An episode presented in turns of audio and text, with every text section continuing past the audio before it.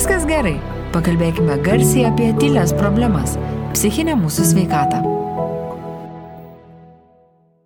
Sveiki visi, mes tęsame savo podcastą Ai, viskas gerai. Podcastas e, kalba apie problemas, kurias mes dažnai nutylime. Šios laidos tema e, yra psichoterapijos kryptis. Mes pirma buvo laida apie tai, kaip pasirinkti, kokius, į kokius signalus atkreipti. E, šį kartą mes e, bandysim pažiūrėti, o ką daryti, kur kreiptis, kai jau nusprendėjai arba nusprendžiau, kad pagalbos reikia, į kurias duris pasibelsti. Mūsų podkasto galite klausyti iTunes, Spotify, Buzzsprout ir jeigu jums patinka tai, ką mes darome, galite tapti mūsų remėjais Patreon platformoje.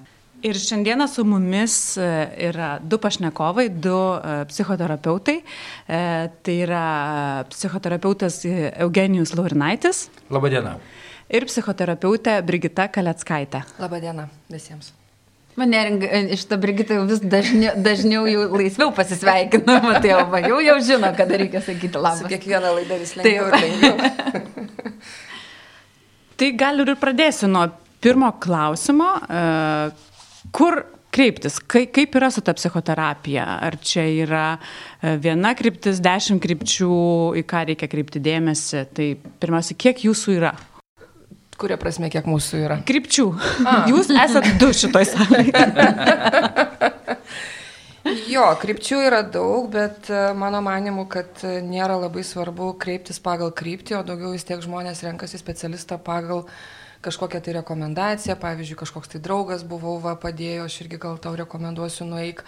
Tai man atrodo, kad kryptis nėra taip labai svarbu, kryptis gal labiau yra svarbios, jeigu žmogus sugalvoja studijuoti, kai jau sugalvoja, kad mokysiuos, būsiu psichoterapeutui, tai tada tos kryptis yra daug svarbiau, bet kai eini pas specialistą, Tai visiškai visi sutinka, kad uh, svarbiausia yra pagrindinis dalykas, tai yra santykis, kad santykis būtent gydo, o ne uh, tam tikra terapijos kryptis.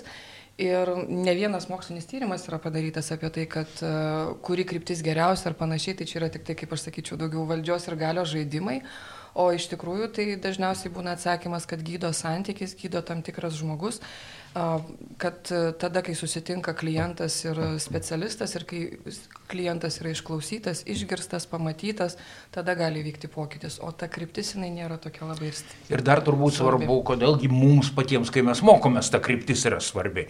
Ir čia vėlgi yra tyrimai, kurie labai gražiai parodo, kad psichoterapeuto efektyvumas priklauso nuo to, kiek jo pasirinkta teorinė kryptis tinka jam pačiam. Tai yra kiek psichoterapeutas teisingai pasirinko tą žmogaus supratimo būdą, tą bėdų atsiradimo kelią, tą tų bėdų taisymo instrumentariumą, kuris tinka jam kaip psichoterapeutui būsimajam. Ir todėl, jeigu pacientui tai nelabai rūpi, jam rūpi gauti naudą, jis ateina gauti efekto. Man, kuris dirba, svarbu, kaip aš suprantu, ką aš darau. Labai svarbu suprasti, kur aš einu, ką aš galiu padėti, kur nebe mano reikalas ir pacientui reikia pačiam kažką daryti. Ir skirtingose teorinėse kryptise tai yra suprantama truputėlį skirtingai. Bet čia mes kalbam truputį abstrakčiai, o jeigu kalbėt labai konkrečiai, tai iš principo to, kas anglų kalba vadinama mainstream arba pagrindinės kryptis. Jų yra trys. Pirmoji tai yra psichoanalitinė psichodinaminė tradicija, antroji tai yra elgesio e, pažintinė tradicija žmogaus supratimo ir psichoterapijos, ir trečioji yra humanistinė egzistencinė tradicija žmogaus mhm. supratimo ir psichoterapijos. Bet tai yra kaip trys pagrindinės medžio šakos. Jeigu medis yra psichoterapija, trys pirmos šakos yra šios, O paskui šakų šakelių. Nesuskaičiuojama daugybė iš tikrųjų. Pasiklystat patys? Iš tikrųjų ne tik pasiklystam, bet dažnai labai skaitydami ar bandydami su tais pra praktikuojančiais ar sukūrusiais tą kryptį žmonėmis kalbėtis, mes nesuprantam, ką jis ten naujo sukūrė. Labai neretai tai būna tiesiog kitų žodžių naudojimas tiems patiems reiškiniams pavadinti, kurie kitoj krypty ir mokyklai jau yra įvardinti arba net seniai įvardinti. Jo, tai aš paskutiniu metu irgi nemažai domiuosi kūno psichoterapijos kryptim, tai ten įlipus į tą mišką galima tikrai pasiklysti, nes skaičiuojama apie 400 psichoterapijos krypčių visam pasaulyje. Būtent tik kūno psichoterapijos srityje. Čia kiek lietuvių, tiek partijų, tai kiek psichoterapeutų, tiek. Bet vis tiek, kad, kad, į, kad mūsų klausytojams suteiktume truputėlį aiškumo, nes tokia yra prasmė laidos, gal vis tiek galėtume truputėlį daugiau bent jau tose trijose fundamentaliuose kryptise papasakoti, kuo jos skiriasi, ar, ar kas, yra, kas yra ta priežastis, dėl ko jos yra skirtingos. Na, nu, tai jeigu pradėtumėm nuo tos tradiciškai seniausios. Arba gal, atsiprašau, gal galėtumėte pasakyti, kurią jūs atstovaujat ir tada... Aš atstovauju psichoanalitinę Pirmai. kryptį, aš esu individualus psichoanalitinis psichoterapeutas ir grupinis analitikas, nes psichoterapija taikoma ir individams, ir grupėms. Tai aš prisistačiau taip, ką aš esu tikrai baigęs ir kokius pažymėjimus aš turiu.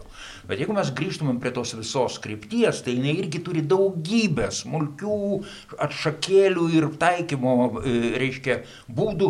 Esmė yra kokia? Šitos teorinės pažiūros esmė yra suvokimas, kad žmogaus didžioji dalis bėdų atsitinka dėl nesąmoningų jo psichikoje vykstančių procesų ilgą laiką buvo kritikuojama šitai todėl, kad tai per daug biologiška, nes Freudas labai biologiškai šitos dalykus apibrėžia.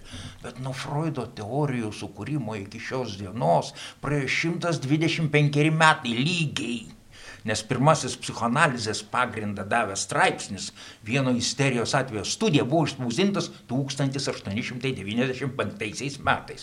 Ir įsivaizduot, kad joks mokslas ir praktika per tokį laiką nepasikeitė, būtų tikrai nesąmonė. Ir todėl mes galim drąsiai tvirtinti, kad dabar ta psichoanalitinė kryptis yra gerokai pasikeitusi.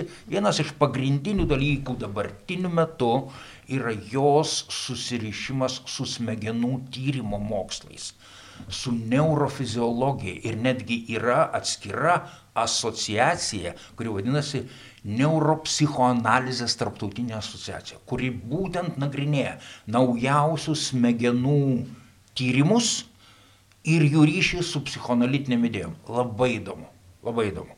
Aš tikrai esu tos asociacijos narys, aš skaitau tą literatūrą, man labai įdomu. Iš tikrųjų visai naujos energijos ir gyvybės įkvepia šitas sujungimas senųjų teorinių pažiūrų, kurios buvo labai neretai išmastymo, kaip sakydavo mokslininkai, kabutėse spekuliatyvios idėjos. Iš tikrųjų labai daug kas pasitvirtina šitos tyrimus darant. Labai įdomu. Tai tai būtų, jeigu papasakot žmonėms paprastiesiems, Aha, ką tai reiškia. Ta paprasta žmogiška kalba. Tai labai paprastą dalyką, kad mūsų supratimu žmogaus elgesį didžiaja dalimi lemia nesąmoningi motyvai. Antras dalykas, kad tų motyvų bet kuriam poelgiui visada yra daugiau negu vienas. Ką tai reiškia? Tai reiškia, kad priimant sprendimą visada yra mano vidinis konfliktas. Aš noriu vieno arba kito. Aš nenoriu nei vieno, nei kito. Arba aš noriu ir to, ir to. Vienu metu.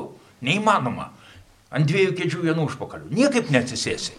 Ir todėl mes visą laiką turim savo tos vidinius konfliktus, kurių didžioji dalis yra nesąmoningi, mes jų neįsisąmoninam. Galima būtų sakyti, nu, tai fain, tegul jie tau savo būna, aš savo gyvenu. Taigi bėda ir yra ta, kad aš negyvenu, o taip nesąmoningai priimtas sprendimas yra realizuojamas, aš jį vykdau. Ir paskui sakau, ai, ai, ai, kaip atsitiko. Ir kas čia mane ištiko? Mm.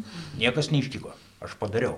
Ir todėl psichoterapija šitos krypties profesionalų akimi žiūrint, tai yra savo elgesio nesąmoningų priežasčių įsisamoninimas. Ką tada žmogus gauna? Nu, įsisamoninau, gali sakyti, žmogus ir ką. Ogi tai, kad vietoj nesąmoningai motivuoto veiksmo padaryto ir tik paskui suvokto, kad aš jau kažką pridariau. Ateina momentas, kad aš galiu rinktis Aš žinau, kad aš noriu ir to, ir to vienu metu. Ir tada aš pasirenku. Ir tada nebėra surprizo, nebėra nelaimės. Tai yra pasirinkimas ir atsakomybė už savo pasirinkimą. Tai iš principo labai paprastai kalbant, ta psichoanalitinė, psichodinaminė kryptis ir ieško nesąmoningų žmonių elgesio priežasčių ir siekia padėti žmonėms įsisamoninti tas priežastis. Be abejonės labai didelė dalis tų priežasčių slypi mūsų vaikystėje, ankstyviausioje netgi, ir todėl iš tiesų tenka ir tenais panagrinėti, bet tik reikia labai aiškiai suprasti, bet kokią psichoterapiją. Ir nukreipta ne į praeitį, ji nukreipta į ateitį. Ir todėl tai, ką mes nagrinėjom apie praeitį, yra tik tai tam reikalinga, kad mes šiandien rastumėm būdus pakeisti ateitį.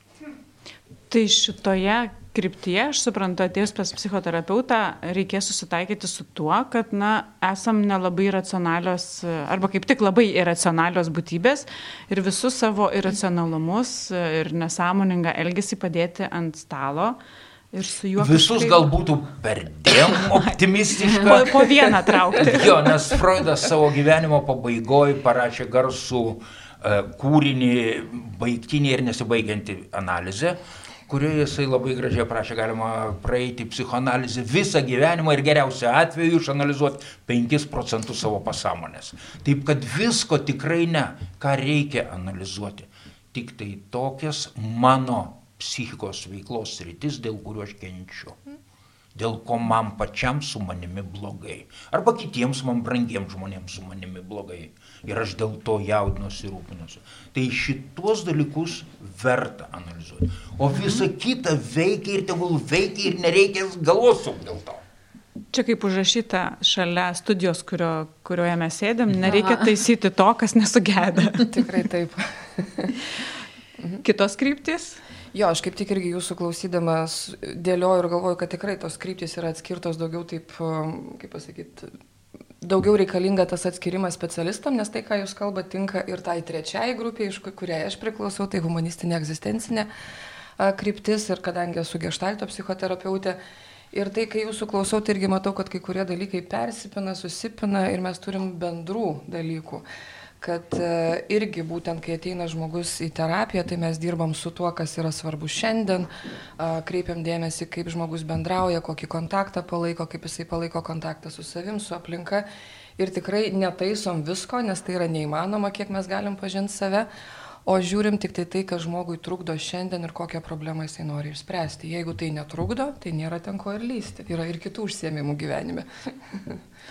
Na ir trečia gal dar kryptis ta pažintinė elgesio terapija, jinai remiasi psichologijos moksliniais tyrimais, kurie tarp kitko pati pradžia buvo ne visai sąžiningi tyrimai, būkim bėdini, bet teisingi, kur buvo kalbama apie tai, kad elgesys yra nulemiamas tam tikrų gana griežtų aplinkos poveikiu į mane, kažkas mane auklėja kažkaip tai elgtis arba nesielgti ir iš to seka, kad aš kažkaip išmokstu, kas yra teisinga arba neteisinga šitame pasaulyje, bet tai yra išmokimas. Tai, bet aplinkos, ta prasme, tos, kuri dabar yra? Ne, ne, ne, ne, ne, tos ankstyviausios aplinkos didžiaja dalimi.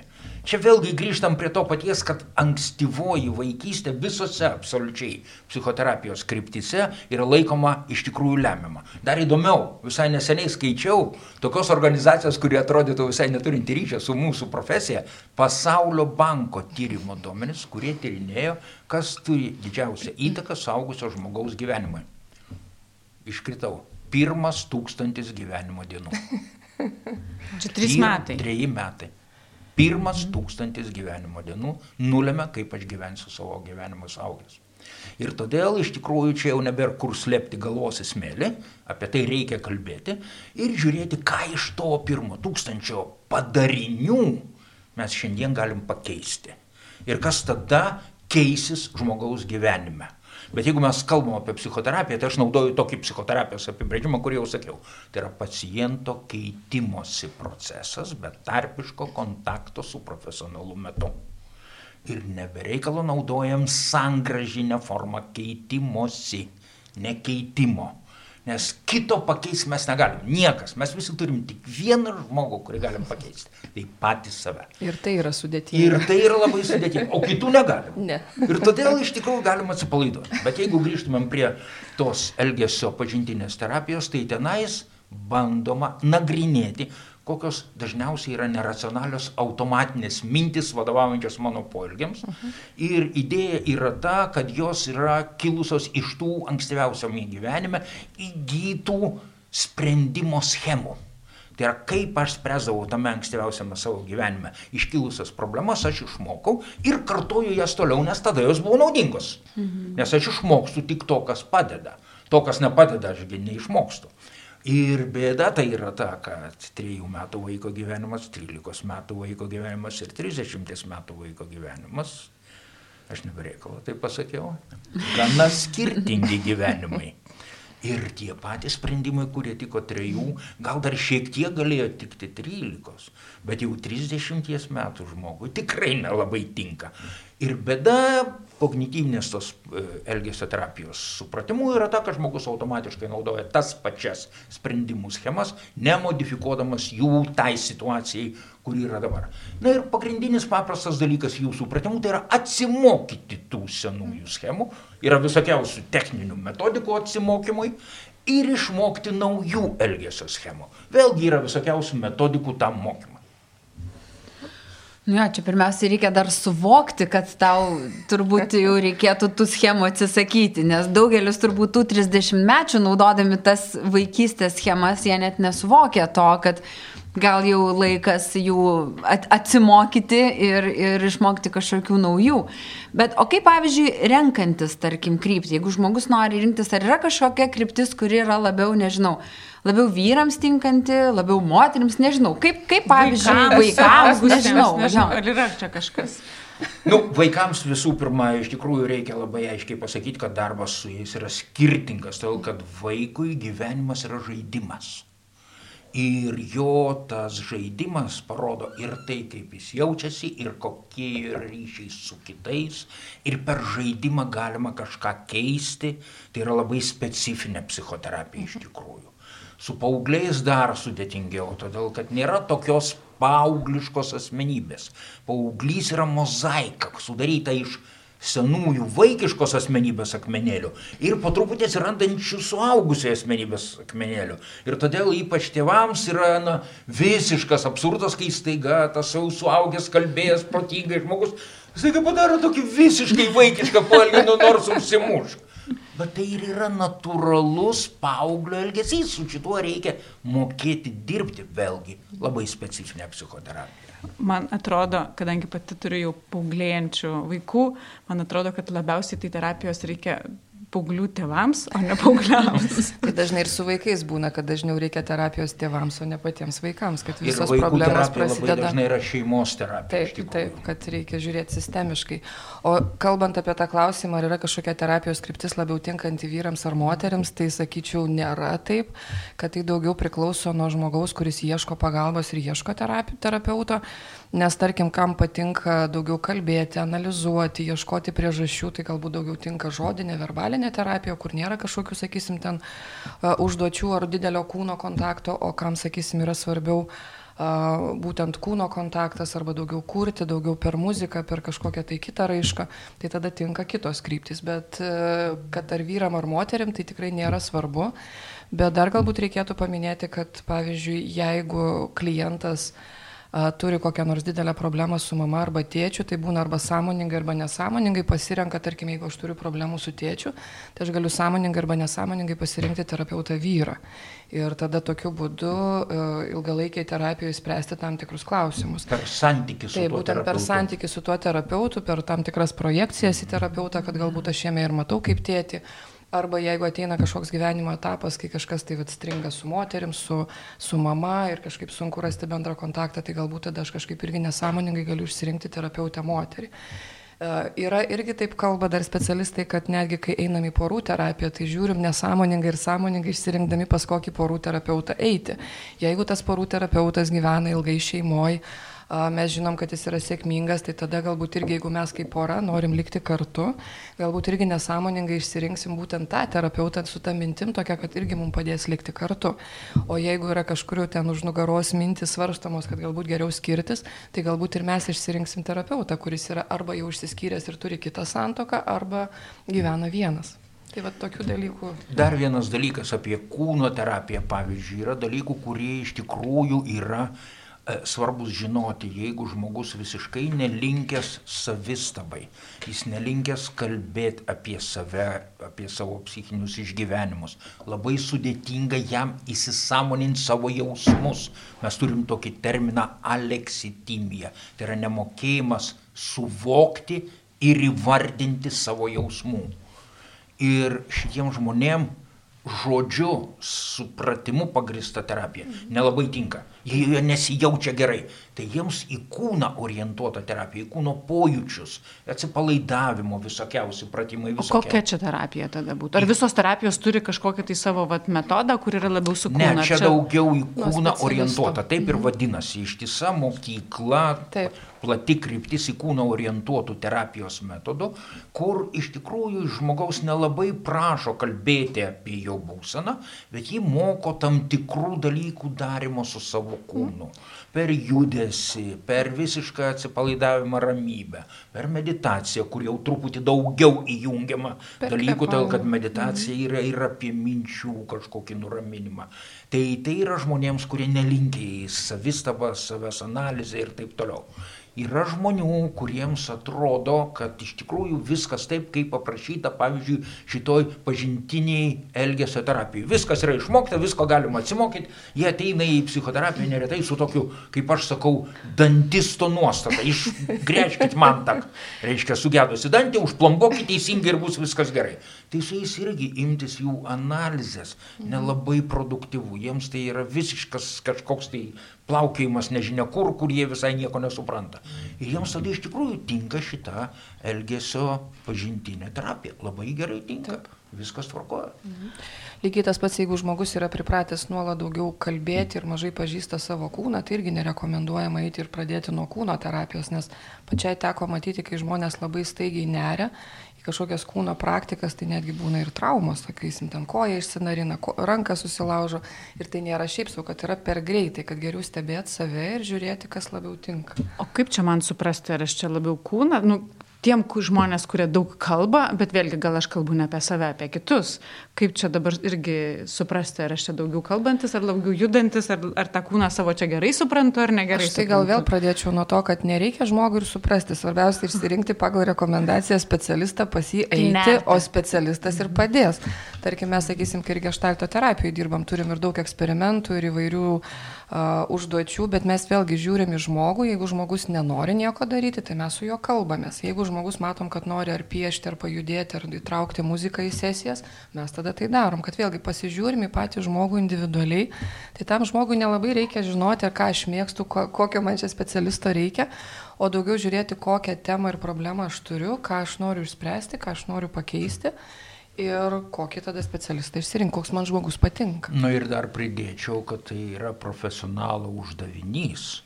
Prieš pradėdamas dirbti jis turi atlikti diagnozę. Mhm. Bet diagnozę ne medicinė prasme, neužrašyti kažkokį susirgymą, o būtent asmenybės, jos struktūros, jos funkcionavimo prasme, jos susiformavimo prasme, tai yra psichoterapinė diagnozė. Ir štai šitoj diagnozėj ir yra aprašoma, kuo žmogus stiprus, kokios jo asmenybės savybės stiprios, o kur jis gal netoks stiprus, kur gal, kur gal truputį mažiau subrendusios jo kažkokios asmenybės dalis ir jau tada parenkami tie terapijos metodai, konkretūs metodai, kuriais su tuo žmogum dirbant tikimės, kad bus geriausias rezultatas. Maža to yra dar ir toks, toks dalykas, kaip mūsų asmenybės susiformavimo lygis. Mes galim būti geresnės arba prastesnės pasaulio pažinimo galimybės nešiotojai, mes geriau arba prašiau suvokiam santykius su žmonėmis, mes geriau arba prašiau suvokiam savo paties poelgių pasiekmes. Pavyzdžiui, mes, pavyzdžiui, turim pacientų, kurie galvoja, kad viskas aplinkui yra tiesiog likimo, reiškia rezultatas, arba kiti čia viską daro blogai, o aš pats teisingiausias. Ir su tokiais be jokios abejonės psichoterapija yra labai sunki. O kaip yra, nes aš da, esu dažnai girdėjusi, kad uh, na, gal ir eičiau, nu, bet aš taip nenoriu kapstytis po tą vaikystę, ta prasme, ten pasakoti viską, ten nenoriu va to ir ano pasakyti, nu kaip, va, kaip... Bet gal tada iš nenoro labiau, nu, ta prasme, tiesiog, kad ne, ne, ne faina gal žmogui kapstytis tame. Tai priežastis, tai galbūt mes ir suprantam priež, priežastį, bet kaip, ta prasme, va ką tada daryti, kuri, va, gal nežinau. O kaip jūs suprantat priežastį? Nus, gal skauda, gal žmogus bijo, priešinasi, nenori spręsti tam tikrų savo problemų. Tai kaip jis tada pasikeis? Tai tada vadinasi neit. Dar Arba nepasirengęs. suvokti, kad psichoterapija visada yra rizika. Visada rizikuoji pats apie save sužinoti dalykų, kurių nelabai norėjai žinoti. Nes daugybė dalykų su mumis įvykusių arba mūsų pačių padarytų yra neprisimenami, jie yra nesąmoningi. Mes apie juos nežinom, tikrąją to žodžio prasme. Nežinom. Ir žmogus bijo sužinoti. Bet jeigu jis nesužinos, kaip jis gali tai pakeisti, kaip jis gali šitą įtaką, kuri yra nesąmoninga, padaryti sąmoningų sprendimų lauku, kuriame aš nusprendžiu, darysiu taip arba taip. Bet čia aš jau žinau, ką sprendžiu. Tai nėra atsitiktinai nukritęs kažkoks tai sprendimas, ai, šiandien darysiu taip. Ai, viskas gerai. Ai, Ne, negerai. Aš irgi esu turėjus tokiu atveju, apie ką vat, kaip tik ir klausite, kad kai ateina žmogus ir sako, aš noriu išspręsti tokią ir tokią bėdą, bet aš tikrai nenoriu kalbėti apie vaikystę, į ten aš nelysiu apie tėvus, aš nekalbėsiu, tai yra kas buvo, kas buvo, pamirštam ir viskas. Tai aš gerbiu tą nusistatymą, bet jeigu žmogus eina ilgalaikę terapiją, mėnesis, du ar trys, po kažkiek laiko jisai pats pamato, kad, nu, Nevelnio reikia lysti į tas temas ir vis tiek apie jas kalbėti. Ir kai žmogus pats pamato naudą, pats pamato, kad vis tiek visos ištakos yra tenai, tai vis tiek pradeda apie tai kalbėti. Bet nereikia jo iš karto Ja, versti aš pirmom dienom to daryti. Mūsų mokytojų mes e, Lietuvoje turėjom pradžią tos psichoanalitinės terapijos mokymo mūsų olandų kolegų iš Amsterdamo psichoanalizės instituto. Ir tenais e, Olandijoje yra apskritai protestantiškoji tikėjimo kryptis, bet viena šaka jos kalvinizmas yra ypatingai griežta ir ypatingai tokia e, apribojanti žmogų. Ir štai mūsų mokytas pasakoja, kad pas mane atėjo viena pacientė ir pasakė, kad taip, taip, aš sutinku, psichoanalizai, bet mes nekalbėsim apie religiją, apie motiną ir apie seksą. Ir pasirodė, kad jinai yra kalvinistė, kad jos motina buvo ją klaikiai baudžianti ir ribojanti ir kad jinai yra homoseksuali. Tai yra Okay. apie tai, kas svarbiausia, mes nekalbėsim. Tai ką mes tada kalbėsim? Tai iš karto jūs žinote, apie ką reikia kalbėti, Tai ne? Iš karto pasako. Jo, ir šiaip yra įdomus momentas, kai su žmogum kalbėjo apie jo vaikystę ir jeigu jis neatsimena kažkokio gyvenimo periodo, tarkim nuo 5 iki 10 metų, nieko neatsimenu. Tai va ten kaip tik yra ir įdomiausia, nes po kažkiek tai laiko, po, kažkokios, nu, po kažkiek laiko terapijos žmogus vėl pradeda atsiminti ir va ten kaip tik kažkas vyko svarbiausia, ką žmogus nesąmoningai stengiasi Tai išspręsti. kažkoks blokas yra. Taip. Ir be to mes turim suvokti, kad lengviausiai ir greičiausiai pamirštame tuos dalykus, kurie mums patys skaudžiausia. Būtent juos pasistengėme išstumti iš savo atminties. Ir todėl, kai žmogus įsivaizduoja, kad jis pamiršta tai, kas nesvarbu, yra visiškai priešingai. Taip. Tai, kas nesvarbu, mūsų atmintyje išlieka labai lengvai. O va tai, kas svarbu, skausminga, e, gėdinga, e, kuris, kas kelia man jausmus stiprius, tą mes pasistengiam kaip galima greičiau pamiršti. O dar apie tas, taip jau konkrečiau link krypčių grįžtant. e, Jeigu, pavyzdžiui, žmogus pasirenka tam tikros krypties specialistą, ne, jis eina į terapiją, bet jam netinka, jas galima keisti? Tiesiog terapijos eigoje? galima keisti. Aš netgi su Alekseičiko, man atrodo, knygoje skaičius, kad kaip galima nustatyti, ar žmogui padeda terapija ar ne. Tai po penkių kartų jau žmogus gali savo užduoti klausimą, be abejo, tai subjektivu, bet aš galiu savo užduoti klausimą, ar man kažkiek padeda tai, ar kažkas bent truputį keičiasi mano gyvenime, ar aš kažką darau. Jeigu ne, tai galbūt aš nepasiruošus terapijai, galbūt man specialistas netinka ir galbūt reikėtų žiūrėti arba pakalbėti geriausiai su pačiu specialistu, kodėl čia kas čia vyksta, kad aš nieko iš čia negaunu. O dėl specialistų yra dar vienas tyrimas, kuris jau iš viso yra labai įdomus, seniai padarytas. Pasirodo, kad psichoterapijos sėkme labai tiksliai nurodo paties psichoterapeuto optimizmo lygis šito paciento atžvilgių po pirmo susitikimo. Tai yra profesionalai turėtų pakankamai sąžiningai po pirmo susitikimo pažiūrėti savo vidų ir pasakyti savo, kaip aš jaučiu. Ar su šituo aš ką nors nuveiksiu ar nenuveiksiu. Ir aš, jeigu aš jaučiu, kad nelabai, tai reikia tiesiog atsiprašyti žmogaus ir pasakyti, nepykit, aš nelabai galiu padėti, bet tada reikia jam pasiūlyti, pas ką jis galėtų nueiti, kaip aš įsivaizduoju, kuo tas kitas profesionalas skirtųsi nuo manęs. Šiaip dažnai specialistai netgi daro pirmą konsultaciją tokią kaip pažintinę, susipažįsta ir tada jau tuo metu vertina, ar galiu padėti, ar negaliu padėti, ar tai mano kompetencijos ribos ribose, ar aš galbūt kaip žmogus ne, negaliu padėti. Ir tada būtent galima pirmo susitikimo metu nukreipti, sakyti, va, žiūrėkit, jūs turite tokią bėdą ar problemą, jums geriau ten kreiptis, arba ten, arba ten, kad tai irgi, kad renkasi ne tik tai klientai specialistus, bet ir specialistai žiūri, ar gali padėti. O vat jūs paminėjot, kad vat yra tam tikros bėdos ir jūs nukreipėt. Ar yra kažkokios tai, e, vėlgi liekant tose pačiose rėmose, trijų krypčių, ar yra kažkokios kryptis, kurios tinka labiau vienoms bėdoms, e, e, o kitos kryptis, kurios tinka labiau kitoms bėdoms? Ar nežinau, gal labiau problemos? ne apie kryptis kalbėčiau, o daugiau apie psichiatrus ir psichologus ir psichoterapeutus, nes, sakysim, kartai žmogui reikia pagalbos tikrai kreiptis į psichiatrą, bet ne į psichoterapeutą. Tai tada tokiu atveju mes visą laiką nukreipiam. Ta prasme, kad pavyzdžiui, jeigu yra kokie sutrikimai arba depresija, kuri jau turi būti gydoma vaistais arba kokie arba priklausomybės, tai tokiu atveju geriau yra kreiptis į psichiatrą negu į psichoterapeutą arba, sakysim, dirbti kartu eiti pas psichiatrą, žinoti savo diagnozę, gauti vaistus, o paskui pas psichoterapeutą eiti kaip į palaikomąją terapiją, kuri irgi padeda su tam tikra bėda ar problema susitvarkyti. Tai daugiau gal sakyčiau, ne kryptis svarbiau, o svarbiau suprasti, kada geriau eiti pas psichoterapeutą, kada geriau eiti pas psichiatrą. Nežinau, kokia jūsų patirtis, bet tai dažnai žmonės psichiatrų dažniau vengia ir pradžioje pas kreipiu pas savo kolegas psichiatrus, nes Taip. Aš nebu, nežiūrint tai, kad esu psichiatras, aš dirbdamas su pacientu psichoterapiškai vaistų neišrašinėjau. Uh -huh. Nes tai yra skirtingos filosofijos - gydymo Taip. vaistais ir gydymo psichoterapija. Ir todėl aš siunčiu pas kolegas ir yra pakankamai daug bėdų, -huh. kurios gydomos kombinuotai duoda geriausią efektą, tas Taip. gydimas, negu po vieną arba atskirai Taip. terapiją arba atskirai vaistais. Čia Ta prasme- derinant, ta prasme, Derinant, ne? derinant kartu lygiai grečiai ir vaistus, ir psichoterapiją. Pavyzdžiui, depresija be jokios abejonės, mhm. po trauminio streso sutrikimas, Bipolinis būtų bipolinis sutrikimas, be to e, tam tikri pradiniai e, panikos priepolių etapai, kada reikia tiesiog padėti žmogui išgyventi, pačioj pradžioj truputėlį nuimtos panikos priepolius. Pačių panikos priepolių jokie vaistai negydo, tai čia reikia tiesiog su to susitaikyti, bet pradžioje nuimti tą nerimą tokio baisaus lygio, kad žmogus nieko daugiau neįsivaizduoja, tik tai kaip čia padarius, kad to nerimo nebūtų. O jau paskui, kai pradedam dirbti, po truputėlį jis pas pradeda tą patį suvokimą valdyti, baimės pasidaro mažiau, jis rimsta ir tada ta psichoterapija jau tampa vyraujančių metodo, vaistai vis toliau ir toliau ir toliau nutolsta.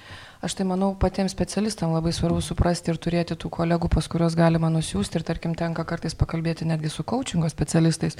Jie sako, kreipiasi žmogus ir a, tarkim įtariamas yra bipolinis sutrikimas arba depresija, o jie vaikšto aplinkui, eis geriau pradžioj pas coachingo specialistą, bet neis nei pas psichi psichiatrą, nei pas psichoterapeutą, nes kaip vėl mes ir kalbėjome apie tai, kad vengia, kad bijo, kad nenori, kad nepripažįsta.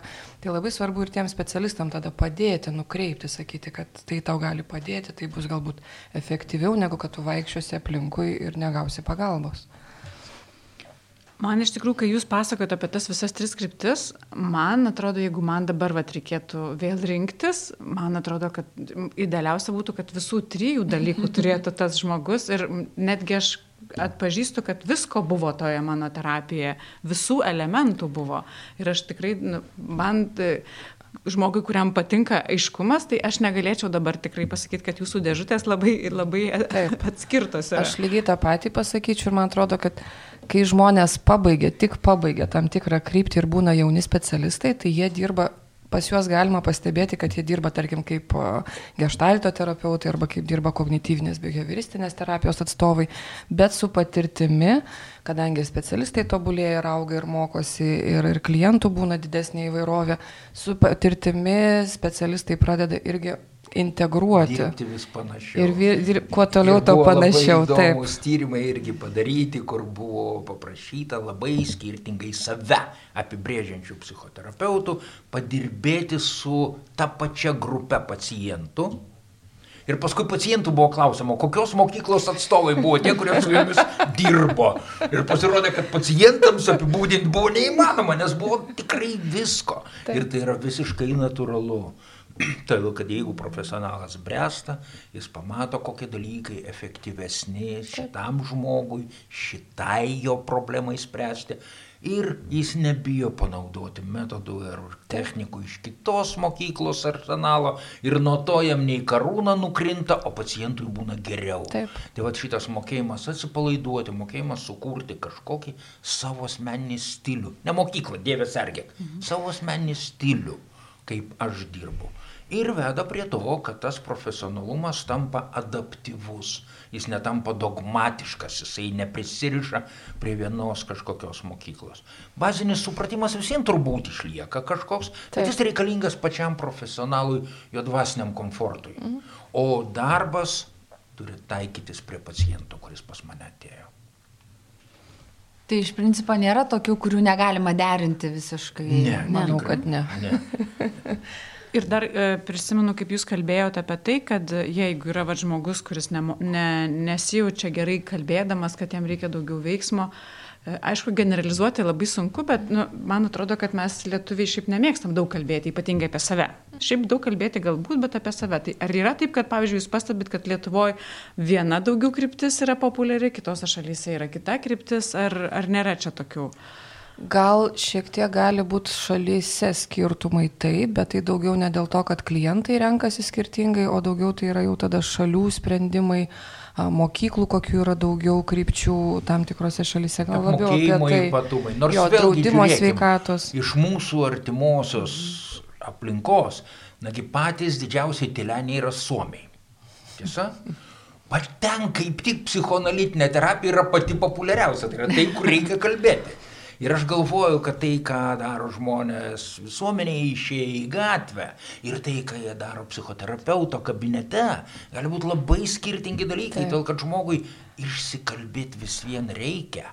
Ir iš tikrųjų tame kabinete tas saugumas, konfidencialumas, pasitikėjimas yra aplinkybės, kurios sudaro specifinę aplinką. Nes kalbant su savo artimaisiais ar tolimaisiais draugais ar nedraugais, visada tų kitų yra kažkoks interesas, jų kažkoks klausimo būdas, jų kažkoks tai santykis su manimi iš anksto. O psichoterapeutas yra visai atskiras pašalinis žmogus, kuris neturi į pacientą tikrai neturėtų turėti jokio intereso, išskyrus vieną - padėti jam.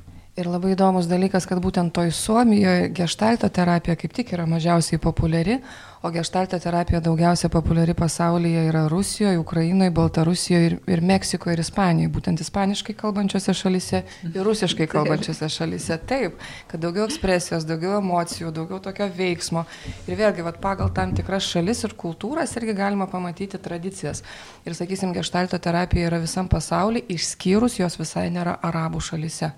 Vėlgi toks įdomus atrodo, kad uh, yra jau dabar ir Kinijoje, ir Japonijoje, ir, ir, ir Afrikos valstybėse yra netgi gestalto institutų, tačiau arabų šalise nėra nei vieno gestalto instituto. Ten Nes ten yra... su kūnu reikia elgtis labai taip, atsargiai. Taip. Arabiškam pasaulyje iš tikrųjų kūno kontaktas iš vienos taip. pusės tarp vyrų, pavyzdžiui, iš kur tas politikų bučiavimas jis atėjo, taigi iš arabiškojo pasaulio. Bet paliesti moterį tai yra nusikaltimus, už kurį tave gali užmėtyti akmenimis mirtinai. Tai, va, tai yra dalykai. Ir tose šalyse tada labiau yra psichodinaminė ir, ir pati ta klasikinė psichologija daug populiaresnė negu kažkokios kitos terapijos kryptis.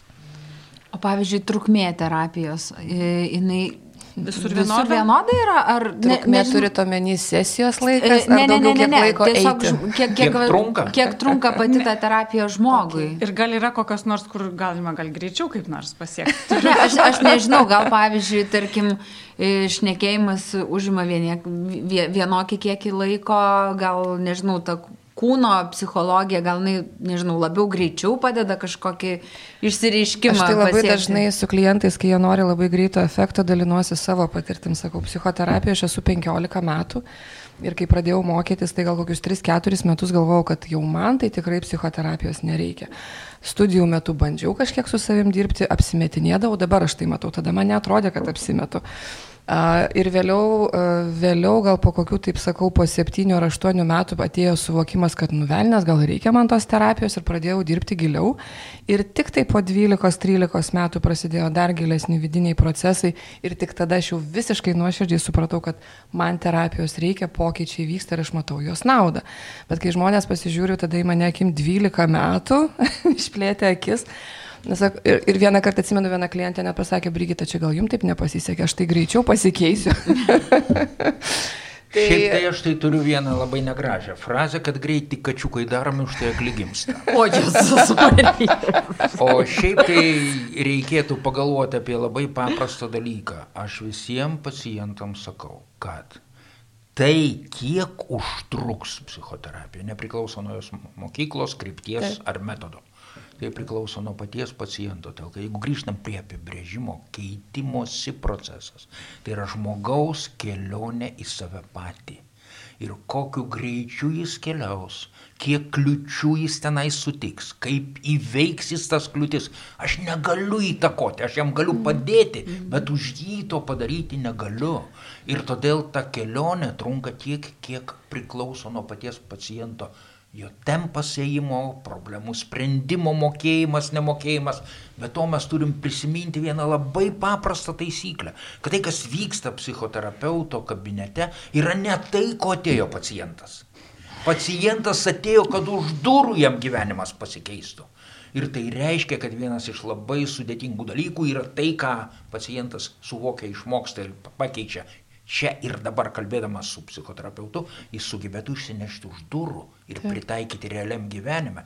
Ir todėl aš visada sakau, pokyčiai egzistuoja tik elgesio lygyje. Jeigu elgesys nesikeičia, rezultato nėra.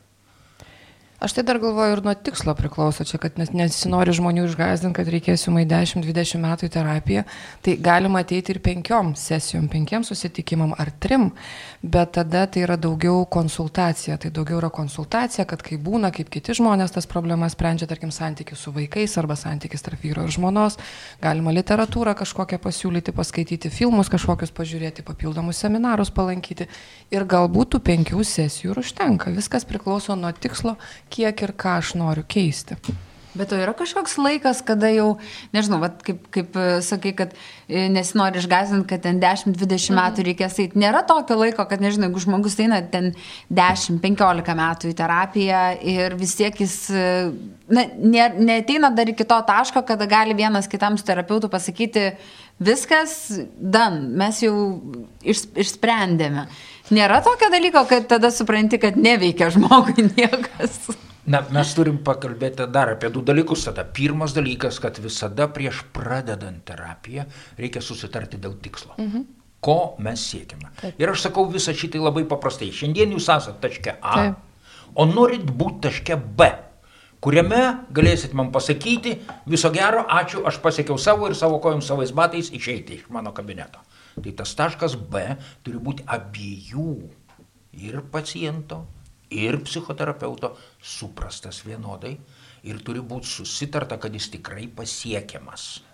Tikrai pasiekiamas. Ir profesionalo, ir paties žmogaus nuomonė pasiekiamas. Nes būna žmonių, kurie ateina su svajonėmis pasidaryti laimingais visam likusiam gyvenimui. Arba kad pasaulyje būtų taika, arba nebūtų piktų žmonių. Taip, taip, taip, taip, taip. Arba kad aš nustočiau bijoti. Tai kai tik man atneša tokį užsakymą, sakau, palaukit, tai jeigu atsistosite ten bėgių ir jūs važiuojate traukinys, o jūs stovite ir nebijot. Nu, čia yra absurdas, baimė yra savisaugos instinkto pasireiškimas ir ją reikia turėti, tik tai kur, kokią, kiek. Tai jau atskiri klausimai. Na, tai yra vienas dalykas - užsakymas. Mhm. Taip. O antras dalykas, kuris yra labai svarbus, tai yra suvokimas, kad tą darbą keitimus reikės daryti pačiam žmogui. O labai neretai būna toksai nusistatymas, kad aš atnešu save pas psichoterapeutą, padedu ant stalo. Nu, kaip operacinė. Jo, Taip, jis mane išva, išvalys, nupraus, nu, nušveis. Ir jūs dabar dirbkite, aš pažiūrėsiu, kaip jums seksis.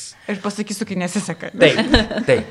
Tai, vat, tai yra du, du labai. Aš tai manau, dar reikia susitaikyti su tuo, kad visų problemų gyvenime mes neišspręsim, kad neturėti tos iliuzijos, kad vat, padirbėsiu pas specialistą ir dabar problemų daugiau nebeturėsiu, jos bus iki to momento, kol mes numirsim. Manau, kad svarbiausia yra mokintis, kaip jas spręsti, ne kad būtent ne, pat, ne, ne tas problemų skaičius ir sprendžiu kiekvieną skirtingai, o kaip, kaip aš galiu išspręsti kažkokį iššūkį ar problemą, kai su ja susiduriu. Čia kaip ta kiniečių patarlė, jeigu nori žmogų pamaitinti vieną dieną, duodi jam žuvį, o jeigu nori pamaitinti Taip. visam gyvenimui, išmokai jį žvejoti. Ir man dar patinka tas požiūris, kad svarbu, kai ateina klientas, at ką ir jūs kalbėjot, kad svarbu suprasti, ko aš čia atėjau ir ką aš noriu pasiekti. Ir jeigu žmogus susiformuluos, ką jis nori pasiekti ir padaryti, tai netgi gali ir terapijos nebereikėti. Kai aš jau žinau, ko noriu, tai jau sugalvosiu, kaip tai padaryti. Arba atvirkščiai kartais visa terapija ir yra užsakymo išgrininimas. Taip, ir kai žmogus taip, suvokia... Aš norėjau paklausti iš jo, jo, jo, jo. Ir kai žmogus suvokia, ko jis norėjo, ir kokia iliuzija yra tai, ko jis norėjo, tai tada vienintelis darbas yra atsisveikinti su iliuzija. Taip. Sunkus, reikia išgėdėti tą praradimą, bet nu, niekada nebepasikeis kitas žmogus, iš kurio aš kažko kažkada tikėjausi. Nebus šito. O nebūna taip, kad žmogus ateina, na, pirmą, antrą kartą jisai tikrai sako, kad vat, aš noriu vat, šito, vat, šito, o jūs matot, kad nu, ne to iš tikrųjų jisai nori. Kad tai kažkaip mes... Tai taip, tada mes tarėmės.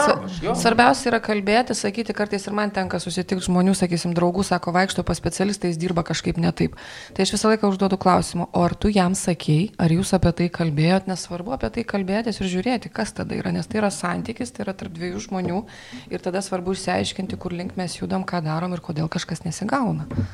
Čia, man atrodo, žmonės jau, žinai, bijo. Ai, nu galvoja, ką čia dabar sakysiu žmogui, kad dirba blogai, nu, eina. Tikrai nereikia bijoti. Na visų pirma, kas tai yra blogai, dar yra geras klausimas. Taip. Taip. Nes jeigu mes kalbam apie abipusį procesą, tai kokio indėlio vienas ar kitas įdėjom į tą blogumą, dar reikia pasižiūrėti ir panagrinėti. Bet yra dar vienas dalykas, kurį aš visada sakau, kad iš tikrųjų, kada mes su pacientu tarėmės, kur ir kiek ir ką darysim, mes kartu tarėmės apie tai, kaip mes apie tai kalbėsim. Ir pacientui visada sakau tokią instrukciją, jūs turite čia sakyti viską, kas jums atėjo į galvą, nežiūrint į tai, kiek keista, kvaila, jokinga, gėdinga arba netinkama jums be pasirodytų. Ir tai yra labai sunku. Tai yra iš tikrųjų labai sunku sakyti viską, kas atėjo į galvą. Bet tik tada, kai žmogus pradeda šito išmokti, atsiveria jam pačiam jo pasaulis. Nes labai daugelio dalykų praslydusių pro mūsų smegenis. Mes net nepagaunam ir žodžiais neįvardinam. O psichoterapijos metu šito mokomės ir tada pamatom, kasgi ten mumise gyvena. Čia turbūt reikia, nu, va šiaip dabar galvoju, va, kaip sakot, kad nebijoti sakyti ir kas ten ir skauda, ir gėdinga, ir visa kita, tai pirmiausiai tu turi pasitikėti žmonėmis iš principo. Taip. Tu turi nebijot, kad į tave sureaguos, nes galbūt jeigu tu pasakysi kažką, kas tau labai gėda yra, Tai vat, kaip, kaip nebijoti, kad, nežinau, kad ne, nu, gal antakius pakels ten kaip nors sureaguos ir viskas, gi žmogui šakės, jis užsiblokuoja iš karto. Kaip nebijoti, kažkaip dabar tik kilo toks atsakymas, kad galvoju, nenueiti penkis kartus pas specialistą, o bent jau penkiolika, nes pirmus kartus tikrai yra baisu. Mhm. Tai bent jau pirmas, pirmus kartus atėjus, pratintis lietai, pamažu, tyrinėti save, tyrinėti tą specialistą, žiūrėti, koks tas santykis ir pamažu išdrysti vis daugiau ir daugiau ir žiūrėti, kas tada su manim vyksta. O nu, tos kelios sesijos... Taip, taip. Plaukt, šokti, reiškia, nuo negaros krioklio. Nu, negalima.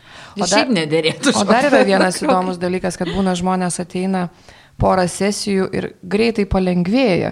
Ir tada jie irgi meta, sako, viskas, man jau nebereikia, man jau palengvėjo, viskas išsisprendė, bet aš niekada tai netikiu, nes nu, nebūna tokių greičių pokyčių. Tai dažnai paskui tie žmonės sugrįžta, sako, žinai, reikia tęsti. Buvo, geri, jo, buvo lengviau, bet kažkodėl tai vėl pasidarė sunku. Nes yra tai, kas vadinama nespecifiniai psichoterapiniai faktoriai. Ir vienas iš jų, pagrindinis netgi, ko gero, visose psichoterapijos mokyklose yra bendravimas. Ir kai žmogus patenka į aplinkybės, psichoterapeuto kabinete, kur gali sakyti viską, kur jo tikrai klauso ir juo domisi. Kai kurie tiesiai šviesiai sako, tai pirmas kartas mano gyvenime, Kada? kai aš apie tuos dalykus kalbu ir mane taip girdi. Ir nevertina, ir nekritikuoja, išklauso. neteisia. Ir neteisia. Bet nuo to atsiranda palengvėjimas, be abejonės. Jeigu įsivaizduotumėm, kad mūsų bėdos tai yra kaip per viršų užtvankos jau bėgantis vanduo, jau per viršio, reiškia, kiekis to vandens užsiterčia kažkas tai užtvankoje. Ir žmogus ateina pas psichoterapeutą, pakelia šliuzus, tą vandenį truputį nuleidžia ir atrodo jau gerai, viską galima daryti. Bet visai nepagalvoja, kas iš to dugno išlindo, kai vanduo nusileido. Ir kiek tenai visokiausių Kvapo. dalykų ir kvapo. Arba kiti kaip tik sustoja terapiją, nes sako, aš atėjau, kad man būtų lengviau, man blogėja. Tai vat, būtent kai vyksta tas procesas, tai aš irgi visą laiką sakau, kad dabar svarbu tai išbūti, pasižiūrėti ir nepabėgti. Nes jeigu pabėgsim, prisipildys vėl vandens ir vėl mes gyvensim tipo gerai, bet problemas tai nesisprendžia. Mes čia kalbam apie, a, apie pasitikėjimą, apie nebijojimą sakyti, o kaip yra, ir jūs truputėlį jau paminėjot, kaip yra apie vat, e, konfidencialumą jūsų profesijos, aš manau svarbu pasakyti ir, ir pakalbėti, kaip žmogui būti tikram, kad mhm. va, tai, ką jisai sako, ir jau šiaip yra baisu pasakyti kokią nors savo uh, visiškai išprotėjusią svajonę, bet kaip žinoti tikrai, kad tai liks tenai su tuo žmogumi. Mhm. Tai visi psichoterapeutai, manau, pradeda pirmą sesiją apie tai, kad pasikalba apie konfidencialumą, visi, visi psichoterapeutai laikosi etikos kodekso, e, kuriame irgi yra, kad mes negalime apie tai, ko dalinasi klientai niekam pasakoti.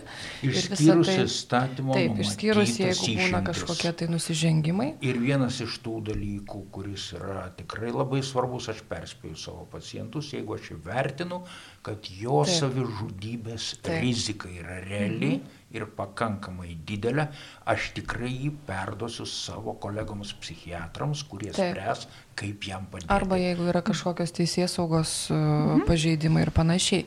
Bet visa kita, viskas, kas yra kabinete, Kas nustatymo nenumatyta, Taip. kad Kas privalo nėra prieš įstatymą. nekonfidencialu, viskas Taip. yra absoliučiai konfidencialu. Taip, ir terapeutai niekada nesidalina savo klientų istorijomis, ta prasme apie tai nekalba, o klientai patys išėję iš terapijos gali dalintis, kas su jais vyksta terapijos metu, čia jau jų pasirinkimas yra. Čia dar vienas, viena išimtis, galbūt mes turim tokį procesą, kuris vadinasi supervizijos, kada mes Taip. Su kitu kolega, dažniausiai labiau patyrusiu, nagrinėjame savo darbą. Taip. Ir tada paciento duomenys nori, nenori kažkiek reikia pristatyti. Tai tam reikia gauti savo kliento ar paciento sutikimą Jo, būtinai. jo, bet tarkim, netgi jeigu mes ir analizuojam supervizijose tuos atvejus, tai mes ir vardus pakeičiam ir kažkiek amžių pakeist galim. Tarsi, kad tie faktai kad jie nebūna. Stengiamės Taip, jo taip. anonimizuoti. Taip, kad tai būna anoniminiai tokie daugiau Jo. apsvarstymai. Bet supervizija yra vėlgi skirta padėti klientui, ne šiaip. Visų pirma, be abejo, taip. Ai, viskas gerai. Pakalbėkime garsiai apie tylės problemas - psichinę mūsų sveikatą.